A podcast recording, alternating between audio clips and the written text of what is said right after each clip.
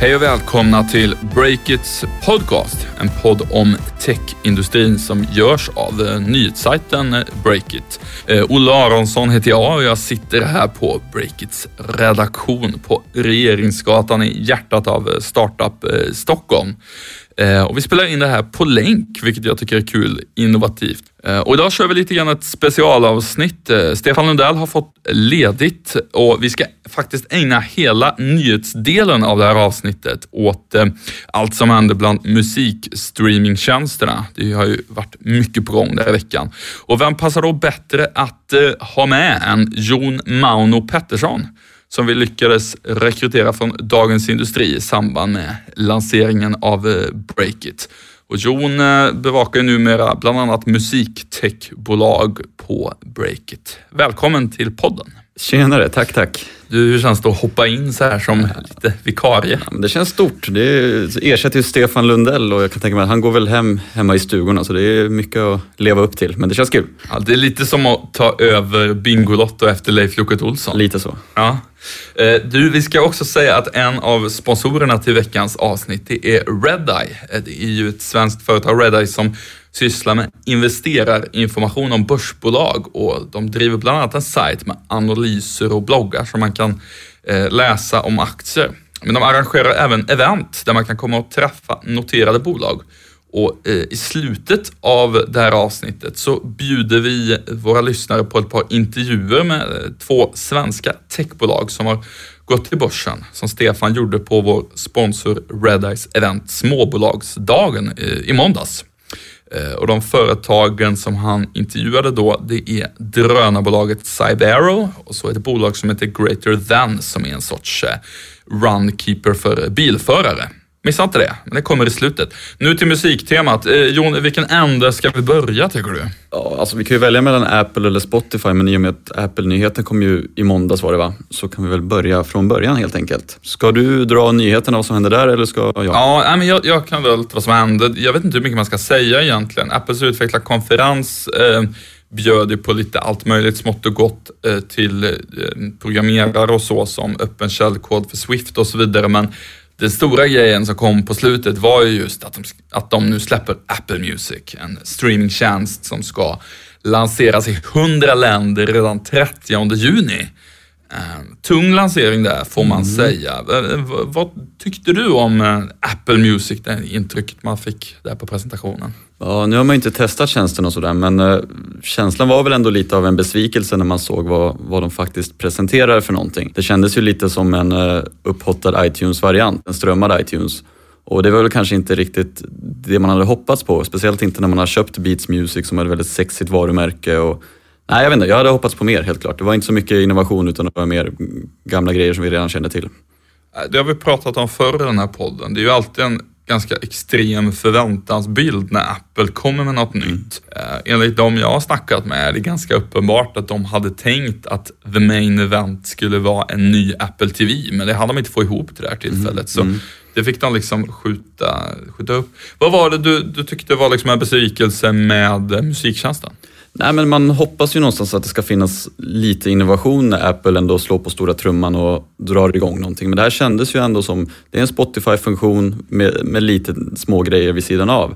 En radio bland annat och en online-radio känns ju inte helt, ah, inte superinnovativt kanske. Lite så. Nej, men det, jag får hålla med där. Det, visst var det någon eller ett par programmerare i publiken som skrattade när Jimmy Iovine, eh, den tidigare eh, musikproducentstjärnan, sa att det var en revolutionary music service. Ja, nej, men det är väl, man skrattar väl lite själv också. Det är så lät ju när Tidal presenterade sin produkt också.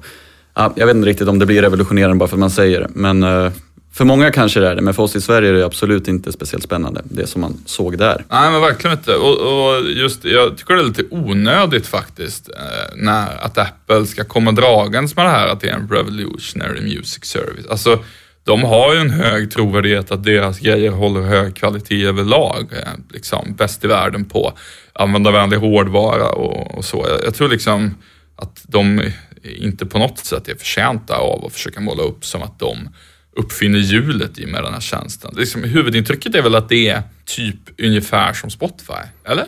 Ja, men det är väl ganska exakt som Spotify-känslan. Sen får vi se vilka tilläggsfunktioner som dyker upp. Man kan väl förvänta sig att det kommer dyka upp en eller annan funktion under hösten och sådär. Men eh, det, det är Spotify helt enkelt, fast i iTunes-förpackning. Att det ser ut som iTunes, lite tråkigt, lite vitt. Men äh, jag vet inte, jag kanske är färgad för att jag gillar Spotify, men äh, jag, var inte så imponerad. Så är det. Du, hur, hur nervösa tror du att Daniel Ek och Martin Lorentzon är över den här lanseringen? Ja, alltså jag vet inte. Om det, om det här kommer som en chock för dem, då kanske de borde byta jobb någonstans. Nej, men jag menar, det här har de ju vetat om. Och som Daniel Ek sa i någon intervju nu i Dagens Industri var det va? Att eh, han snarare är förvånad över hur sent det kom egentligen. Så jag tror inte de är jättenervösa så. Det är självklart att Apple har massa eh, fördelar i och med att de säljer extremt mycket iPhones och sånt där och den analysen är ju ganska självklar. Men samtidigt så tror jag ändå det finns utrymme för Spotify utan tvekan på den här marknaden. Ja, det får man ju säga. Jag, jag kom faktiskt att tänka på det om man ska dra en parallell till sitt eget entreprenörskap. Att eh, i vår lilla, lilla, lilla värld, men där det ändå finns eh, små sådana här entreprenörsuniversella paralleller att dra till eh, Spotify och Apple. Så när eh, eh, Dagens Industri drog igång sin egen tech-sajt som liksom ett svar på Breakit, då blir man ju liksom uppringd av, av mediesajter som frågar du, vad, vad, betyder det här då? Är du, är du orolig? Är du skraj över att liksom stora tunga Bonnier kommer med, med sin Breakit-dödare, mm, så att säga? Och det man svarar då, och som jag verkligen känner helt ärligt, är att om, om jag trodde att Breakit liksom aldrig skulle klara sig om någon lanserar en konkurrent, då skulle jag aldrig startat Breakit. Alltså återigen, då inga paralleller i övrigt. Spotify är ju ett enormt företag som man inte ska jämföra med Breakit på något sätt. Men jag tror liksom att ändå resonemanget går ändå igen där att eh, man måste utgå ifrån att det finns plats för flera aktörer om man, om man verkligen tror på sin, på sin företagsidé. Man kan inte tro att ja, men det här funkar bara om vi får monopol. Liksom.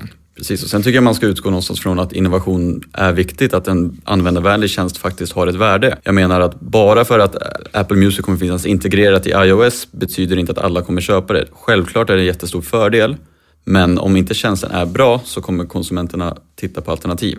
Och, så det ska bli spännande att se vad, vad Apple Music, hur det faktiskt är att använda innan man drar allt för stora slutsatser. Ja men verkligen, för det där har jag tänkt på med liksom HBO Nordic och Netflix till exempel. De jämför man ju liksom som att, ja, ska man ha den eller den? Mm. Och, och tänker, ja men vill du ha Game of Thrones eller vill du ha House of Cards? Ungefär. Men jag menar, det är ju ljusår i användarvänlighet där. HBO Nordic går ju knappt att använda. Tycker det är värdelöst. Alltså, ja, eller hur? Det är ju faktiskt sjukt dåligt, det måste jag verkligen säga. Det, det står jag för. Om det är någon som jobbar på HBO Nordic som blir sur nu, jag står för det till 100 procent. Jag tycker det är skitdålig ja, användarvänlighet.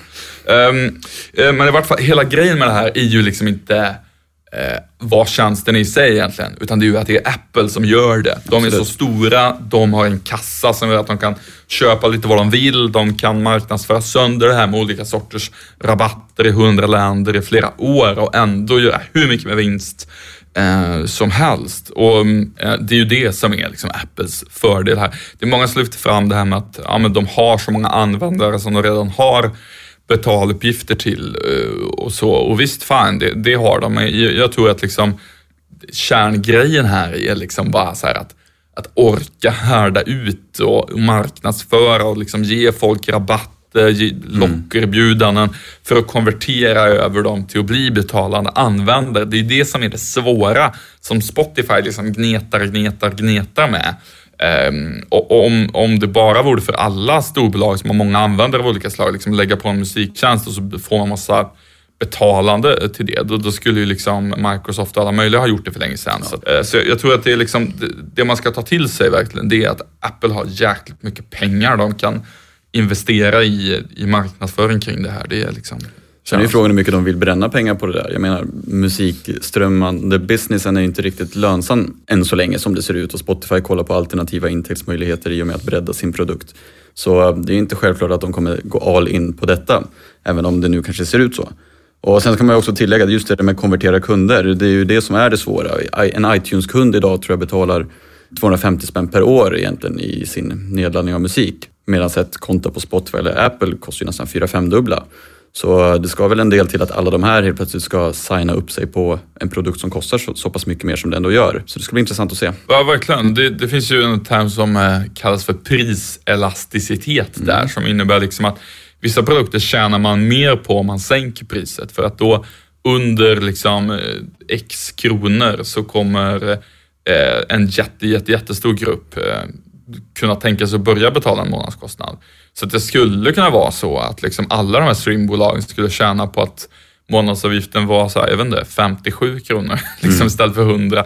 Bara för då blir det plötsligt, plötsligt fyra gånger så många som kan tänka sig att betala. Um, Absolut. Lite, lite intressant tycker jag. Uh, du, uh, en grej som slog mig det är ju att det svensk-finska riskkapitalbolaget Moores investering Disruptive Multimedia Mm. De, eh, de, är nog lite skakis nu. Är du med på vad jag tänker på då? Ja, absolut. Men eh, berätta du ändå. Ja, nej, men det är så här. Det är ju det, Disruptive Multimedia. Du tänker på Connect-funktionen? Ja, precis. Disruptive Multimedia har gjort en funktion som ska göra det enklare för artister och fans att kommunicera mer direkt med varandra. Och det var ju den enda riktigt så nya intressanta funktionen med Apple Music, så som jag såg det i alla fall att eh, de ska också ha det. Eh, och det kan man ju tänka sig att eh, Disruptive Multimedia är rätt skakig över. Som för övrigt, liksom många andra företag i den här branschen, har en, har en rappare som en av grundarna. Det är stort. Men sen kan man ju fråga sig hur den här Connect-funktionen då, som bygger på att artister ska ladda upp videos när de kanske spelar in musik och sånt där, vilken funktion den faktiskt kommer ha när YouTube redan existerar till exempel. Varför ska man välja att ladda upp sin musik eller sina musikvideos på Connect när man kan ladda upp det på Youtube som är världens största musikplattform idag? Den, den frågan kan man ju ställa sig. Ja, men verkligen. Eh, en annan sak som jag funderar på, det är nästan en filosofisk fråga. Alltså, i vilken mån spelar det roll att Apple sysslar med tusen olika grejer och Spotify bara sysslar med typ en grej? Alltså bara fokuset i företaget. Mm. I, I vilken fördel, det är många som pratar om det att det är så himla viktigt och så. Jag har lite svårt att bedöma det. det vad tror du? Alltså Spotify är mycket tydligare musikprägel även om Apple är ett bolag som eh, på sätt och vis inte sprungit ur musik men ändå också har det. Men eh, i och med att Spotify just nu lanserar massa mediesamarbeten som breddar sin produkt så tappar man ju lite det. Så det är jag inte helt övertygad om att det är den bästa vägen att gå. Men eh, man gör väl vad man kan för att sticka ut antar jag. Alltså, jag vill också bara tillägga angående radion som vi har bärsat lite här nu, Apples nya. Jag antar att det är ett sätt att få folk att komma in i appen och börja lyssna på musik via Apple Music och sen ska de bli betalande kunder de också. Så det finns ju förmodligen en ganska genomtänkt tanke bakom det där. Jag tror inte att Apple upplever radion som ett nytt fenomen. Nej, verkligen inte. Och det är ju lite så slukt tycker jag faktiskt. Alltså på ett positivt sätt. Det, det är smart av Apple att um, tänka så här, hmm, okej, okay, gratis Spotify, det är uppenbarligen artisterna så här, sura på.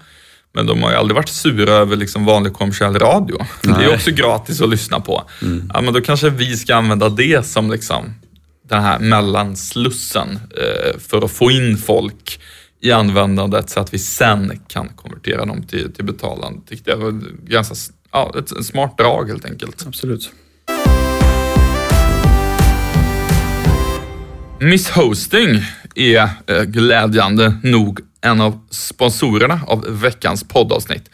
Eh, vilket vi tycker är riktigt kul. Eh, Miss Hosting är ju ett webbhotell som man kan höra av sig till om man ska starta en ny sajt, till exempel en startup. Eh, och en eh, viktig grej med Miss Hosting, det är att de följer entreprenörerna från det att de startar sajten eh, till att verksamheten växer och får fart på allvar. Man köper först sin domänadress, man lägger upp sin sajt på Miss Hostings webbhotell. Eh, du kan ha din egen server via Miss Hosting och så kan du skala upp det där. Allt eh, i eh, Miss Hostings ljuva famn. Och just nu erbjuder bolaget alla som är intresserade av det helt mobilanpassade hemsidor för 10 kronor i månaden. Då kan ni gå in på breakit.se och klicka på Miss Hostings bannerannons där om ni är sugna på att testa det erbjudandet. Apple eh, gjorde ju som sagt eh, sitt drag i måndags. Eh, Jon, har vi något mer att säga om det innan vi går vidare till Spotifys svar? Ja, men det finns väl massor att säga om det, men jag kan väl tycka att analyserna, det har varit väldigt mycket analyser i sociala medier och på hemsidor nu senaste dagarna om Spotify och Apple och sådär. Och att eh, vi överskattar Spotifys storlek här hemma är det många som kommer som slutsats. Men det känns som att vi kanske överskattar Apples storlek också lite grann, eller om man nu får säga så. Varannan telefon är ju någonstans ändå inte en iPhone och det finns ju oerhört stor marknad som eh, ja, som inte är Apple. Det är, väl, det är mindre än varannan tror jag. Jag tror mm. att det är mm. typ att de har en marknadsandel på 20 procent. Precis, så det, det, är en oerhört stor marknad, mobilmarknaden och även musikmarknaden såklart. Så att, nej, döm inte ut Spotify än. Det är för tidigt.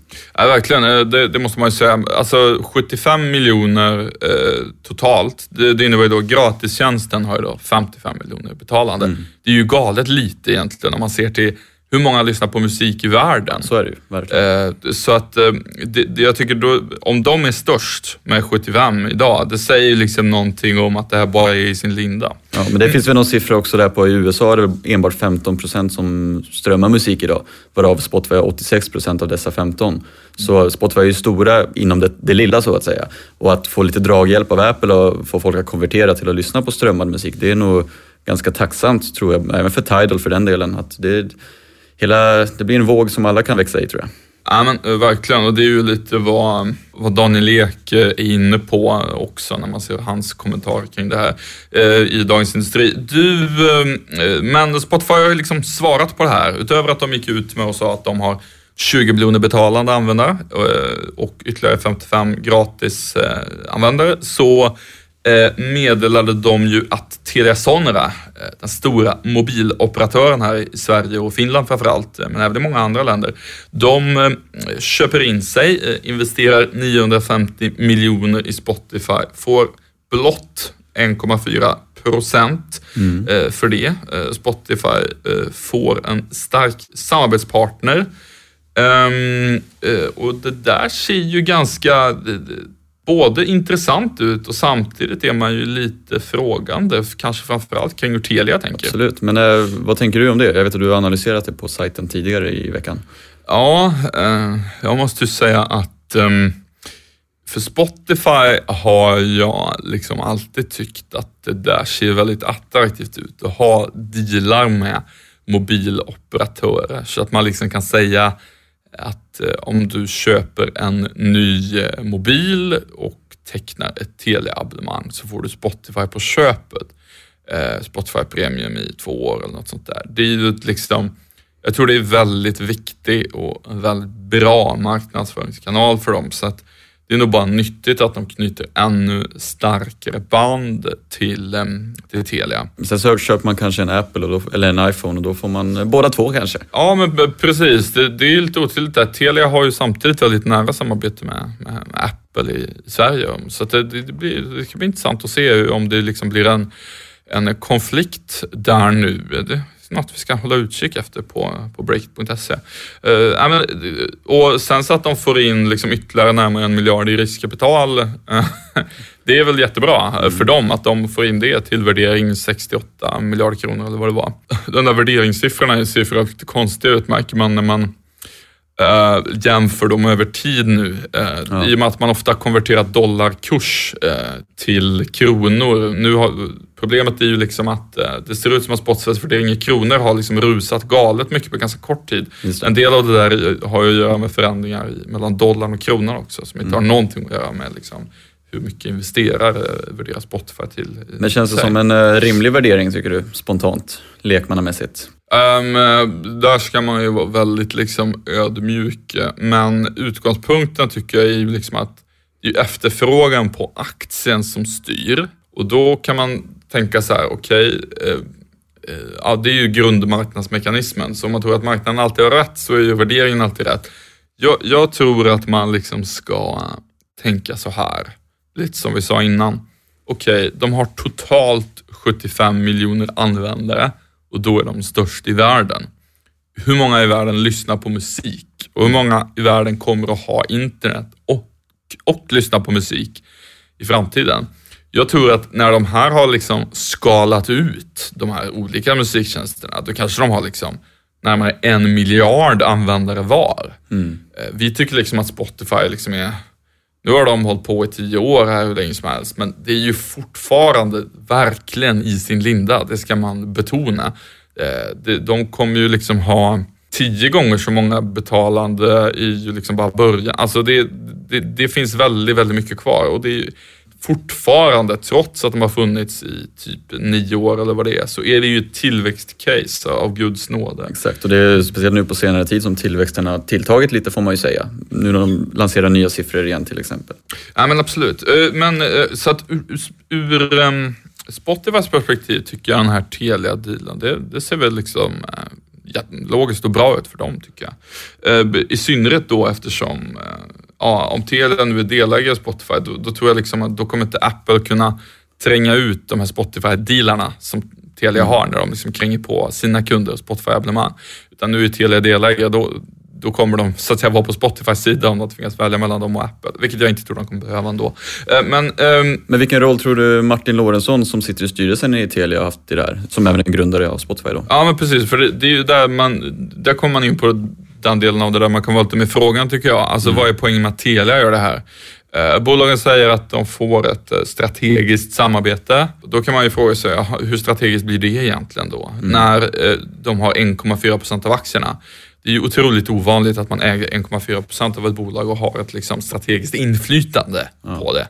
Och det, kommer, det, ska de inte ha heller, tycker jag. Det vore liksom orättvist mot ägarkretsen i stort om de fick det.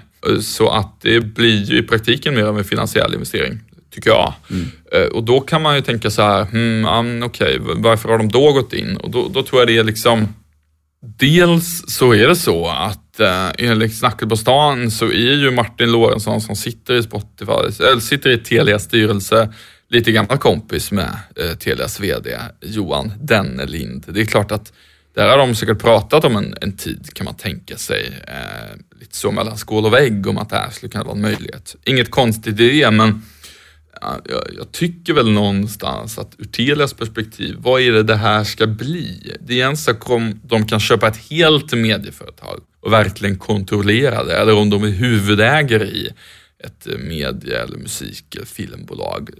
Det liksom makes sense att man då kan baka in hela det här erbjudandet eh, på ett annat sätt. Men Eh, nu tycker jag att det ser lite sådär otydligt ut, som att de är swinging wild. Mm. De är delägare i hörlursbolaget Sound och så är de delägare i, i, i, Spotify och det kommer säkert liksom kunna de kommer säkert kunna sälja en del liksom, dealar, få teleabonnemang och hörlurar från Sound och Spotify-prenumeration. Men eh, det hade de väl kunnat ha utan Ändå, att vara delägare i något av företagen. Exakt. Och det blev väl ingen succé på börsen heller riktigt på aktien. Det var inte någon, inget jubel åtminstone. En gäspning som ja, det brukar stå på, på olika börssajter. Mm. Uh, och äh, det var väl liksom inte uh, sådär superhett. Men, Men intressant ändå. Ja, det får man ju säga. Vad, vad tänker du om uh, Telia-dealen?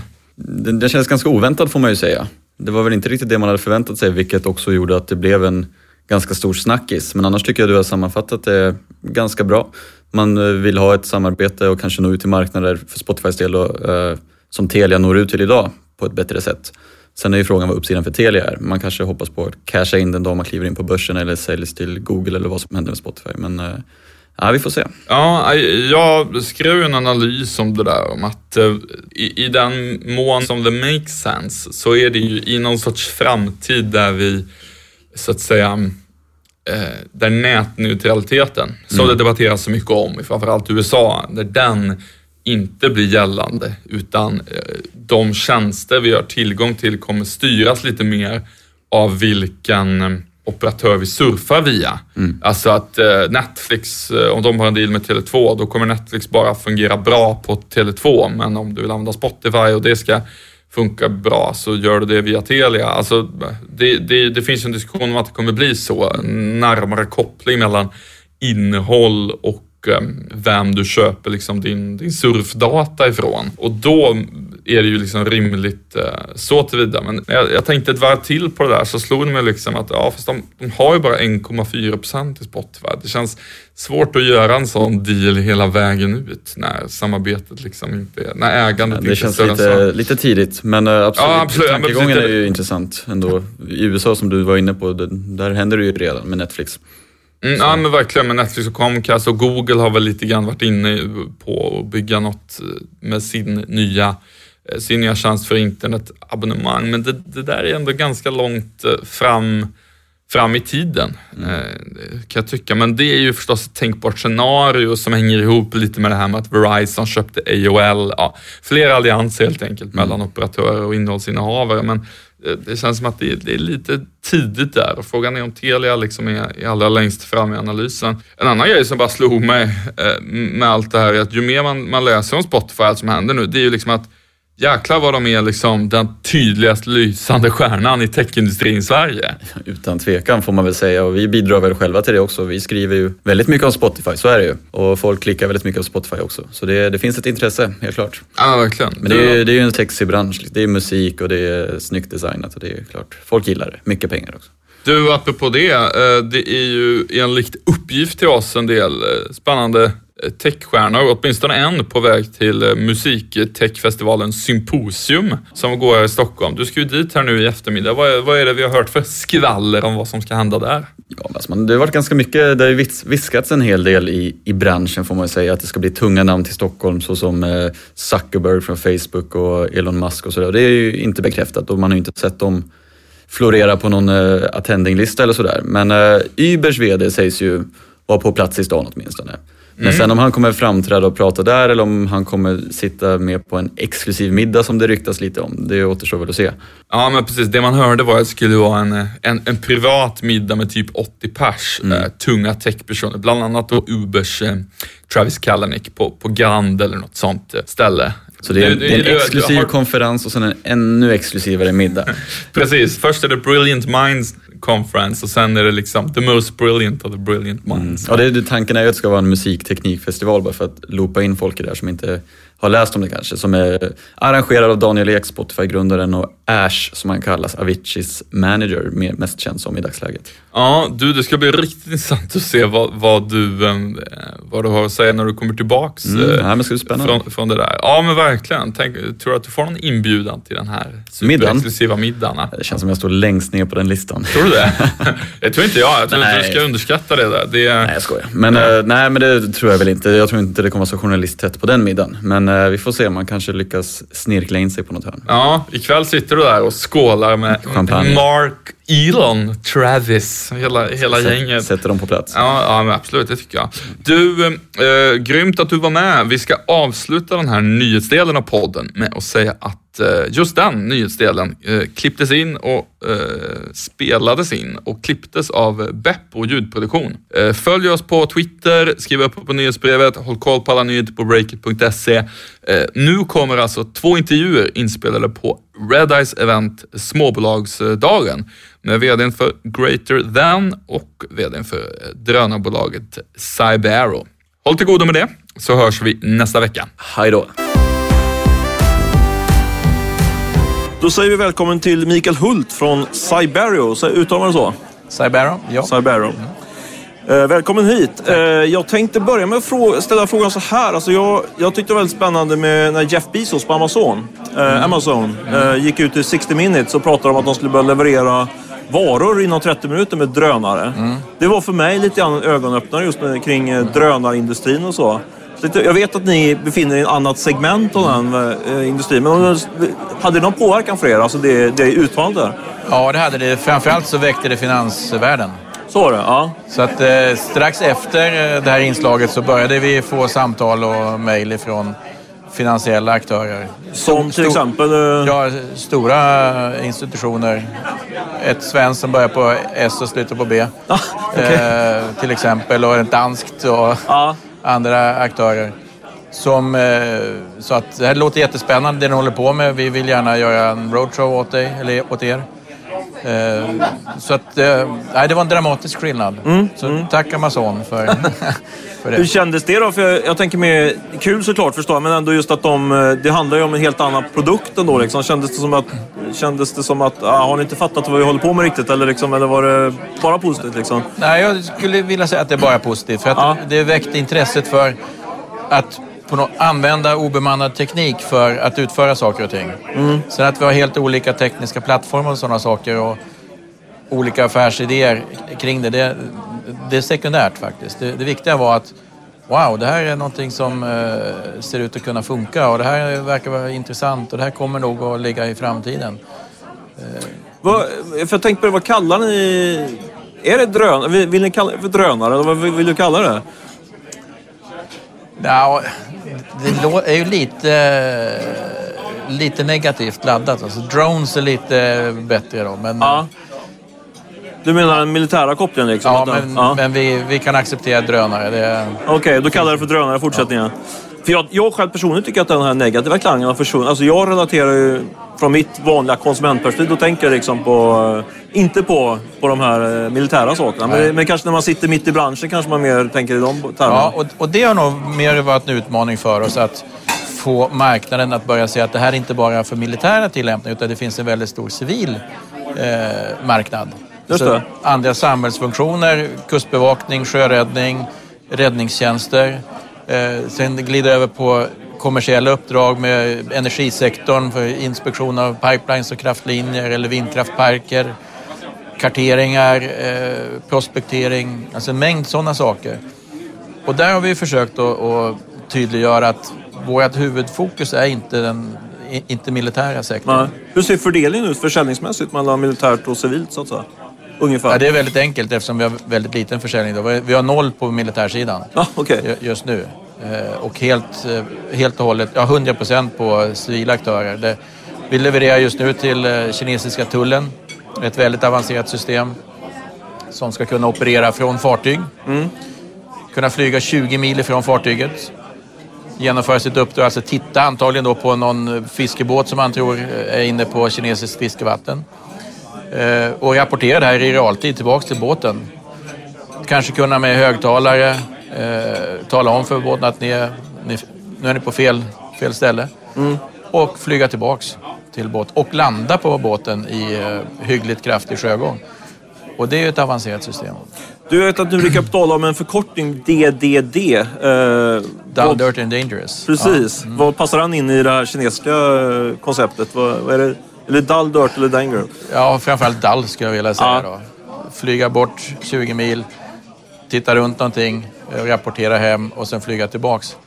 Eh, dirty, då är det ju mer alltså, jobbiga uppdrag. Ta skogsbranden i Västmanland i fjol. Mm. eh, är ju både dirty och dangerous. Alltså, du kan ju med de här systemen flyga rakt igenom rök. Det gör du ju inte med bemannade system. Nej. Var ni med den? nej, det var vi inte. Nej. Eh, och eh, dangerous, ja, då kan vi ju prata om att flyga in och mäta radioaktiviteten i Fukushima och se hur, var ligger den här härdsmältan någonstans. Alltså det gör du ju inte med bemannade system på något sätt. Så att, och det här har ju varit en, en utmaning för oss att få byråkrater, om jag får använda det uttrycket då, eller, eller tjänstemän, beslutsfattare, mm. att öppna upp och tänka lite annorlunda och förstå att det här är faktiskt ett nytt verktyg som vi kan använda för att bli effektiva, effektivare i det vi håller på med. Vi kanske till och med kan bibehålla och få en bättre operationell förmåga trots att vi har fått mindre eh, budget. Mm. Eh, Kustbevakningen är ju ett eh, tydligt sådant exempel där vi tror att vi skulle kunna göra skillnad om de började använda våra system. De har ju fått, ned... På vilket sätt då? Att man skulle... de har ju fått neddragna anslag och kan inte flyga lika mycket med sina bemannade system. Nej. De har färre båtar. De kan alltså göra ett sämre jobb. Om vi då till en ganska låg kostnad skulle kunna förse både deras fartyg och eh, stationära baser eller kanske till och med upprätta fler baser längs, längs kusten med den här typen av system som automatiskt eller på, på eh, befallning då eh, åker ut och genomför eh, inspektioner eller, eller eh, insatser. Så billigare och bättre som man kan säga då. Var, var, varför ja. är det svårt att säga in en pitch? Du säger att det är byråkratiskt, trögrörligt eller vad, vad är det liksom? Ja, jag tror att eh, ja, men det, vi har ju en, en, budgetprocess som tar ett antal år. Det finns politiska beslut som också tar ett antal år. Så att eh, det i sig är en trögrörlighet som, eh, som vi måste försöka att jobba med och, och få, få beslutsfattarna att ta besluten snabbare. Hur stor uppskattar du att er så att säga, delmarknad utav den totala drönarmarknaden är? Idag låt säga om ett par år? Ja, idag är det ju helt och hållet fixed wing som är nästan till uteslutande. Ursäkta, varifrån? Fixed wing, alltså flygplan. Ja. Eh, säg att ett par, ett par, tre procent kanske, det här är min egen gissning, mm. eh, är eh, det man kallar för VTOL och vertikalt startande och landande. Nu, nu exklu, ex, exkluderar jag, tar bort alla de här små privata eh, radiostyrda kvadrokopterna mm. som stör trafiken på Bromma och sådana saker. Ja. Eh, men om vi tittar alltså på professionell användning på olika sätt, både inom försvar och annat, då, så ett par procent idag. Eh, och jag tror att inom fem, sju, tio år kanske det är 20 procent eller någonting sånt. Och det är ju skillnad på operationell förmåga på en fixed wing, alltså flygplan jämfört med en helikopterbaserad. Flygplanet kan ju flyga högt, långt och länge egentligen. Men det kräver oftast, för om ni ska kunna göra det så kräver det en start och landningsbana, det vill säga någon form av hyggligt avancerad infrastruktur. En helikopter kan ju starta och landa ifrån ett litet vertikalt plan. Det kan vara däcket på ett mindre fartyg. En våt dröm vi har är att kunna göra det från stridsbåt 90 någon gång i framtiden, kanske. Eh, och då få en helt annan operationell förmåga med de här systemen. Eh, så att helikoptern, fördelen, kan starta och landa vertikalt. Den kan flyga långsamt. Den kan flyga nära. Vi kan ju flyga en meter över marken i två kilometer i timmen och skanna efter landminer i gamla krigsområden. Ja. Vi kan flyga runt en byggnad och mäta sprickbildningen efter en jordbävning. Vi kan flyga och inspektera rotorbladen på ett vindkraftverk. Men om du skulle sätta siffror på det, du säger att den är på 2-3 procent idag och så kanske den var upp på 10 procent då i, om... 10-20. 10-20, ja. Vad betyder det i, i kronor räknat? Eller dollar Det- kanske man räknar den här marknaden, jag vet inte. Ja, det vi tittar på, eh, ett par olika marknadsuppskattningar. Eh, och 2020 så ser man en för oss tillgänglig marknad på ungefär 700 miljoner dollar årligen. Eh, Och hur stor del av den ska ni ta då? Ja, vi har satt upp en målsättning att ta 30 procent av det här Oj, segmentet, av den, den marknaden. Det vill säga att vi siktar på att kunna omsätta 200 miljoner dollar om ett antal år. Då. Vad innebär ett antal år? 2020 ja, vi pratar eller? 2020. Ja. Det här låter ju som en omöjlig ansträngning, men vi riggar bolaget för att kunna växa väldigt snabbt just nu. Vi har dubblat bolaget både i personal och omsättning de senaste åren, årligen. Mm. Och vi siktar på att fortsätta göra det under ett par år. Det blir ju naturligtvis jobbigare över tid. Då, men, Hur finansierar ni den tillväxten då? Kommer ni att behöva ta in nytt kapital eller klarar ni de pengarna? ja, i, idag har vi varit finansierade eh, primärt genom eh, emission, alltså aktieägarna har, Mm. har finansierat oss. Eh, nu börjar vi få in kundintäkter. Eh, och vi har ju väldigt stora avtal. Vi har ett, ett stort ramavtal med en kinesisk kund på någonstans 700-800 miljoner kronor beroende på konfiguration på respektive system som de köper. Mm. Där de har förbundit sig att köpa minst 70 system över närmaste sju åren.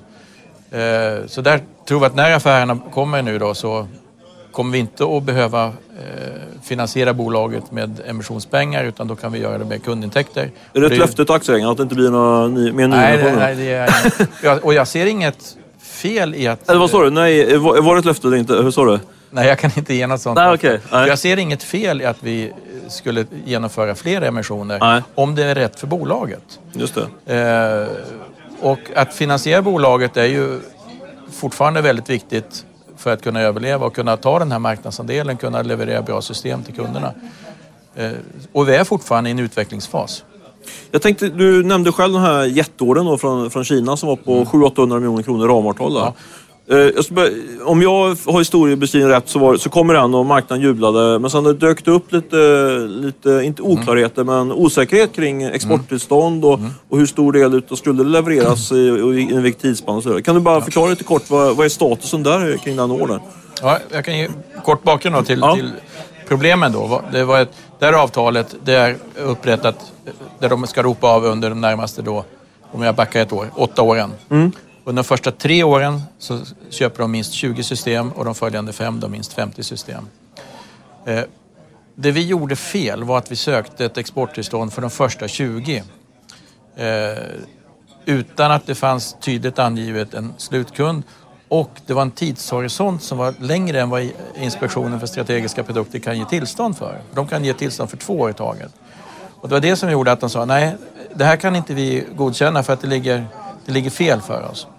Och då återkom vi eh, efter att vi hade fört en dialog med dem, med dem och sökte förhandsbesked på tio system. Och det fick vi ett positivt besked på i november i fjol. Nu fick vi ett första avrop i mars ifrån eh, vår kinesiska kund. Vi väntar fortfarande på slutanvändarintyget från dem som talar om så att säga, vem är slutanvändaren och, och vad är slutanvändningen. För det måste vi lämna in till ISP för att sen kunna få det slutliga exporttillståndet. Men vi har en öppen dialog och rak dialog med ISP Eh, Så vi vet vilka kunder vi inte får sälja till och vilka vi får sälja till och vilka applikationer som också är möjliga. Men i din värld känns det som eh, så att säga formaliteter eller är det fortfarande som du är lite orolig på när du ska gå och lägga dig? Nej, jag är inte orolig. Nej. Nej, utan de, de kunder och de applikationer som, som Avik idag eh, pratar om, eh, det ligger definitivt inom, inom ramen för vad vi kommer att få eh, exportera. Så där är jag inte alls orolig. Och där har vi varit väldigt tydliga till Avik också att det är inte aktuellt med, med några försvarskunder och inte heller applikationer i oroliga delar av Kina. Men det låter ju som att eh, om det tuggar på det, så att säga, det ramavtalet så känns det som att det är ganska trevligt kassaflöde in liksom, i verksamheten då, under, en, under ett antal år framöver. Då. Ja, det är, det är ju, om vi slår ut det rakt av så är det ju en omsättning på ungefär 100 miljoner per år Ja. i sju år. Vi omsatte knappt 50 miljoner i fjol. Så Och det finns ingen anledning att det inte skulle kunna vara så heller egentligen. Att det kan bli ett sånt eh, kassaflöde per år, 100 miljoner in ungefär. Nej, jag tror att det blir mer. För det här är ju liksom en kund eh, i ett land och vi ser att ett väldigt stort intresse från andra länder, andra kunder. Så att eh, vår bedömning är att marknaden har redan tagit fart och, och kommer att växa snabbare. Vi ser att det är en väldigt liten konkurrenssituation. Så det finns goda förutsättningar för att vi ska kunna vara med och ta flera av de här affärerna som seglar upp på, på marknaden just nu. Men avslutningsvis då, om du slår ett, eh, som, som så här, drönarexpert då för oss. Du, du sitter ju en del, ett, ett segment utav drönarmarknaden då. Men vad ser du framför då? Jeff Bezos pratar ju om att man ska, att man ska leverera på en halvtimmes tid fram till sina kund, slutkunder liksom. Och, det, kommer det surra runt drönare i Stockholms innerstad och på andra ställen runt om i Sverige också liksom, eh, under, på några års sikt? Eller vad, vad tror du liksom? Vad är, det känns lite science fiction nästan, men vad, du som sitter mitt i det. Vad, Jo, nej, men visst är det science fiction. Men jag skulle, det jag ser framför mig är att man kommer kunna börja med den typen av eh, leveranser eh, i mer glesbefolkade områden. Vi skulle ju kunna leverera post och läkemedel ut i svenska skärgården och till landsbygden med den här typen av system. Eh, och även hämta post naturligtvis och, och annat. Eh, jag tror att det tar ett bra tag innan man börjar använda det i, eh, i tätbefolkade områden för att det är så mycket annan infrastruktur som man ska interagera med. Och det börjar bli olika leverantörer av tjänsterna och de systemen måste bli väldigt intelligenta för att verkligen Fa- Så de inte kör på säkert. varandra helt enkelt? Ja, eller? precis. Och eh, annat också, lyktstolpar och Ja. annat som är i luften. Ja. Men du tror inte att det kan bli liksom någon form av eh, baksmäll, baksmälla på det här? Liksom, att det inte blir, alltså att det, det funkar inte systemet. Att man, kommer, det, man kommer skratta åt det om några år. Liksom, att man trodde att man skulle kunna luften skulle kunna vara full utav drönare. Liksom. Mm. Du pratar kanske inte explicit om er produkt, utan jag tänker mer kanske med den konsumentnära produkten. Då. Ja, nej, men jag, jag kan hålla med dig delvis där. Att, menar på, jag vet inte om det var 30-talet eller så, här, så hade man ju visioner om att det, var och varannan skulle ha en bil som blev ett flygplan när man flög omkring. Och, och det var fullt i städerna. Så har det ju inte blivit. Eh, visst, den risken finns med den här eh, framtidsutsikten också då. Men jag tror att börjar vi med glesbefolkade områden och uppdrag då med hög kundnytta. Eh, typ leverera läkemedel i ett katastrofscenario någonstans eller ut till en eh, ö som det, du, isen varken bär eller brister just då. Det är någon person som är allvarligt sjuk. Då skulle man kunna eh, definitivt använda de här systemen. Sen mm. börjar jag nog bli för gammal för att kunna säga att om 20 år då så kryllar luften av det här. Då. Ja, ja. För nästa generation så fall. Intressant. Den som lever får se. Tack för att du kom hit. Tack själv. Välkommen Sten Forseke från Greater Than. Tack. Eh, varsågod. eh, kan inte du förklara, vad, vad gör ni något? Vi har en produkt som kopplar bilen mot nätet. Eh, Det är en liten eh, standardhårdvara som ser ut sådär. Så kopplar man en blåtand till, eh, till telefonen och sen så skickar den data till molnet så får man tillbaka tjänster. Det är 25, 30, 40 tjänster i det här paketet. Eh, automatisk körjournal, felkoder, hitta bilen, eh, eco-driving, eh, en smart score som är unik för oss som gör att du kan jämföra hur man kör oavsett vilken bil du har. Och då, därför vi, kan vi gamifiera bilkörning. Lite grann som en runkeeper fast för bilförarna. Ja, ett avancerat runkeeper för bilister. Ja. Vi har, vi har sett, våran score är som tid eller som eh, distans eller vikt. Du kan jämföra den oavsett var på jorden du är och vilken bil du kör. Men om man vänder perspektivet då, om man tänker, sätter på sig liksom investerarglasögon istället för eh, användarglasögonen. Om jag ska investera i ert bolag, vad, vad, är liksom, vad är uppsidan? Uppsidan är att vi jobbar i en starkt växande marknad. Connected Car beräknas omsätta 53 miljarder dollar år 2018 Oj, det är enligt pe- GSMA. pengar det med. Det är pengar det med. Ja. Så det är ett starkt väx- väx- eh, motiv för att gå in i det här bolaget. Ja. Det andra är att vi har en produkt som har bra traction. Vi börjar få in, det börjar bita på marknaden. Mm. Och vår försäljningsmodell börjar bli skalbar. Hur många är det som har produkten idag? Det är, vi pratar inte antal, men det är flera tiotusentals som har, har den här 10 000, produkten. ja. Flera, mer än så. I Sverige framförallt? Eller? Framförallt Sverige, ja. Mm, Eh, Hur och sen, distribuerar det? Vi har eh, två sätt vi har hittat en mix då. Några stycken analoga återförsäljare, alltså vanliga affärer, butiker. Mm. Mediamarkt och Jula i Sverige. Och sen har vi våra egna webbshoppar på det.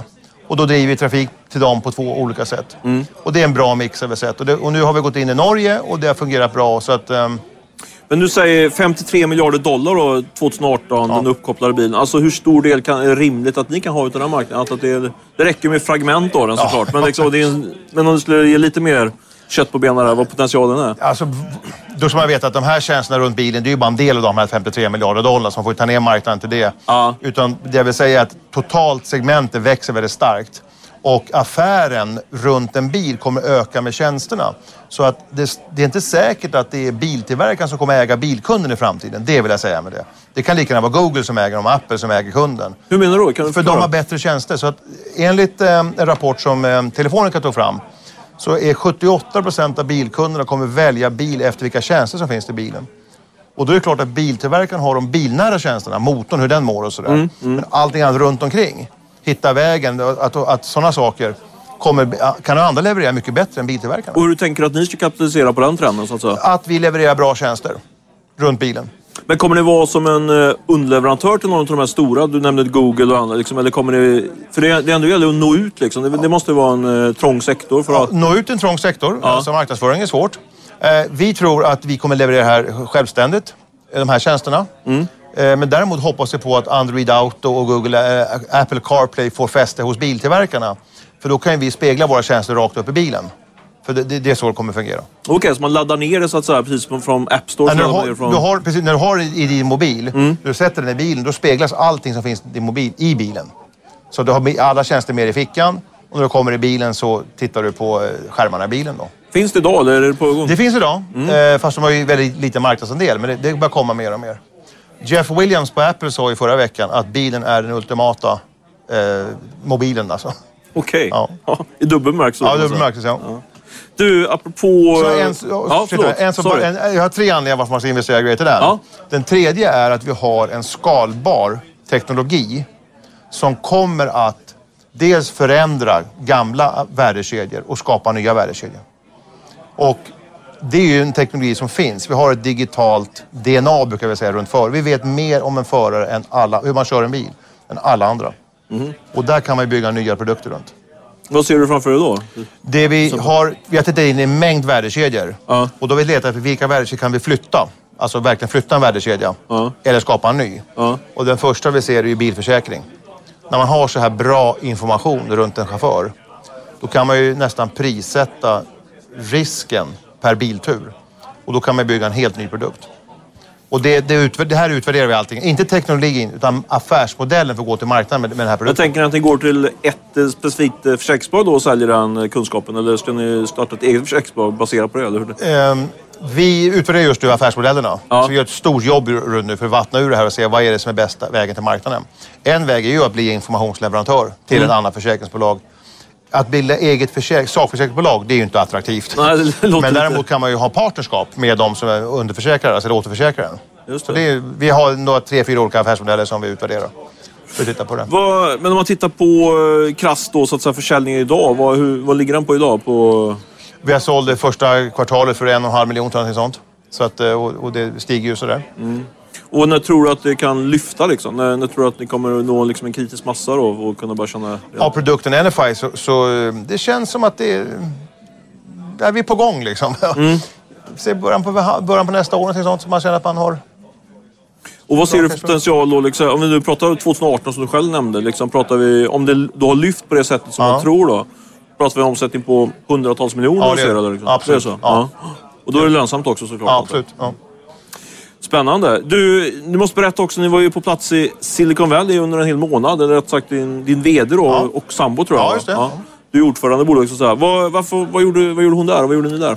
Hon var med i ett acceleratorprogram som ordnades av Vinnova och norska Vinnova. Det heter något annat där då. Innovation, eller Innovation, Norway Innovation och sånt. Ja. Ehm, för att titta på hur man kan accelerera affärsmodellen för att komma ut snabbare på marknaden och sälja mer. Det var 11 bolag, jag tror det var sju norska, fyra svenska.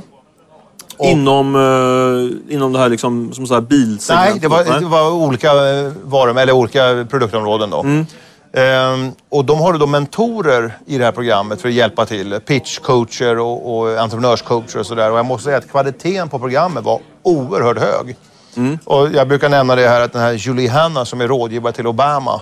Jaha. Hon var där som mentor till exempelvis Liselott under en månads tid. Oj då. Ja. Och det, hon är ju tydligen gift med en, en norrman och så, så var den kopplingen. Ja, och sen så ja. var hon där. Eh, det är helt fantastiskt. Och, eh, helt fantastiskt. Vi har lärt oss jättemycket. Vad, vad kan ett sånt program ge er då för liksom, verksamheten? Dels har den gett verksamheten att några konkreta saker hur vi ska designa produkten och, och gå framåt. Om man ska tänka viralitet, alltså viral spridning när man designar. Det har vi gjort förut men mer tekniskt. Nu tänker vi mer mjukvarumässigt hur man kan få in viral spridning i produkten. Det är en sån här konkret grej. När vi pitchar mot kunderna så ska man vara mycket kortare. Alltså man ska inte prata 20 minuter utan man ska prata 5 minuter. Okej, ja, bra format här då. Ja. Ja. Ehm, det är två konkreta exempel. Men det som gav oss allra mest var självförtroendet. Därför vi märkte i Connected Car-gebitet så ligger vi väldigt långt framme. Och fortfarande så har vår teknologi en 3 till 5 års försprång. Det är ingen annan som förstår hur vi kör bilar lika bra som vi gör fortfarande. Då tittar vi på alla top notch-företag där borta. Tesla? De har inte det fokuset. Nej, okej. Så, eh, och vad, vad innebär det då för framtiden? Vad, hur känner du inför, eh, inför det så att säga, stärkta självförtroende som du får då? Ja, Jag, jag känner att, att jag, jag fick ett självförtroende i att vår teknologi ligger faktiskt långt fram och vi kan, göra, vi kan flytta nya värdekedjor med det. Ja. Så vi kan bygga ut tjänster för, tjänsteutbud in här mycket snabbare än vad jag trodde tidigare. Vi vågar ta de stegen helt enkelt.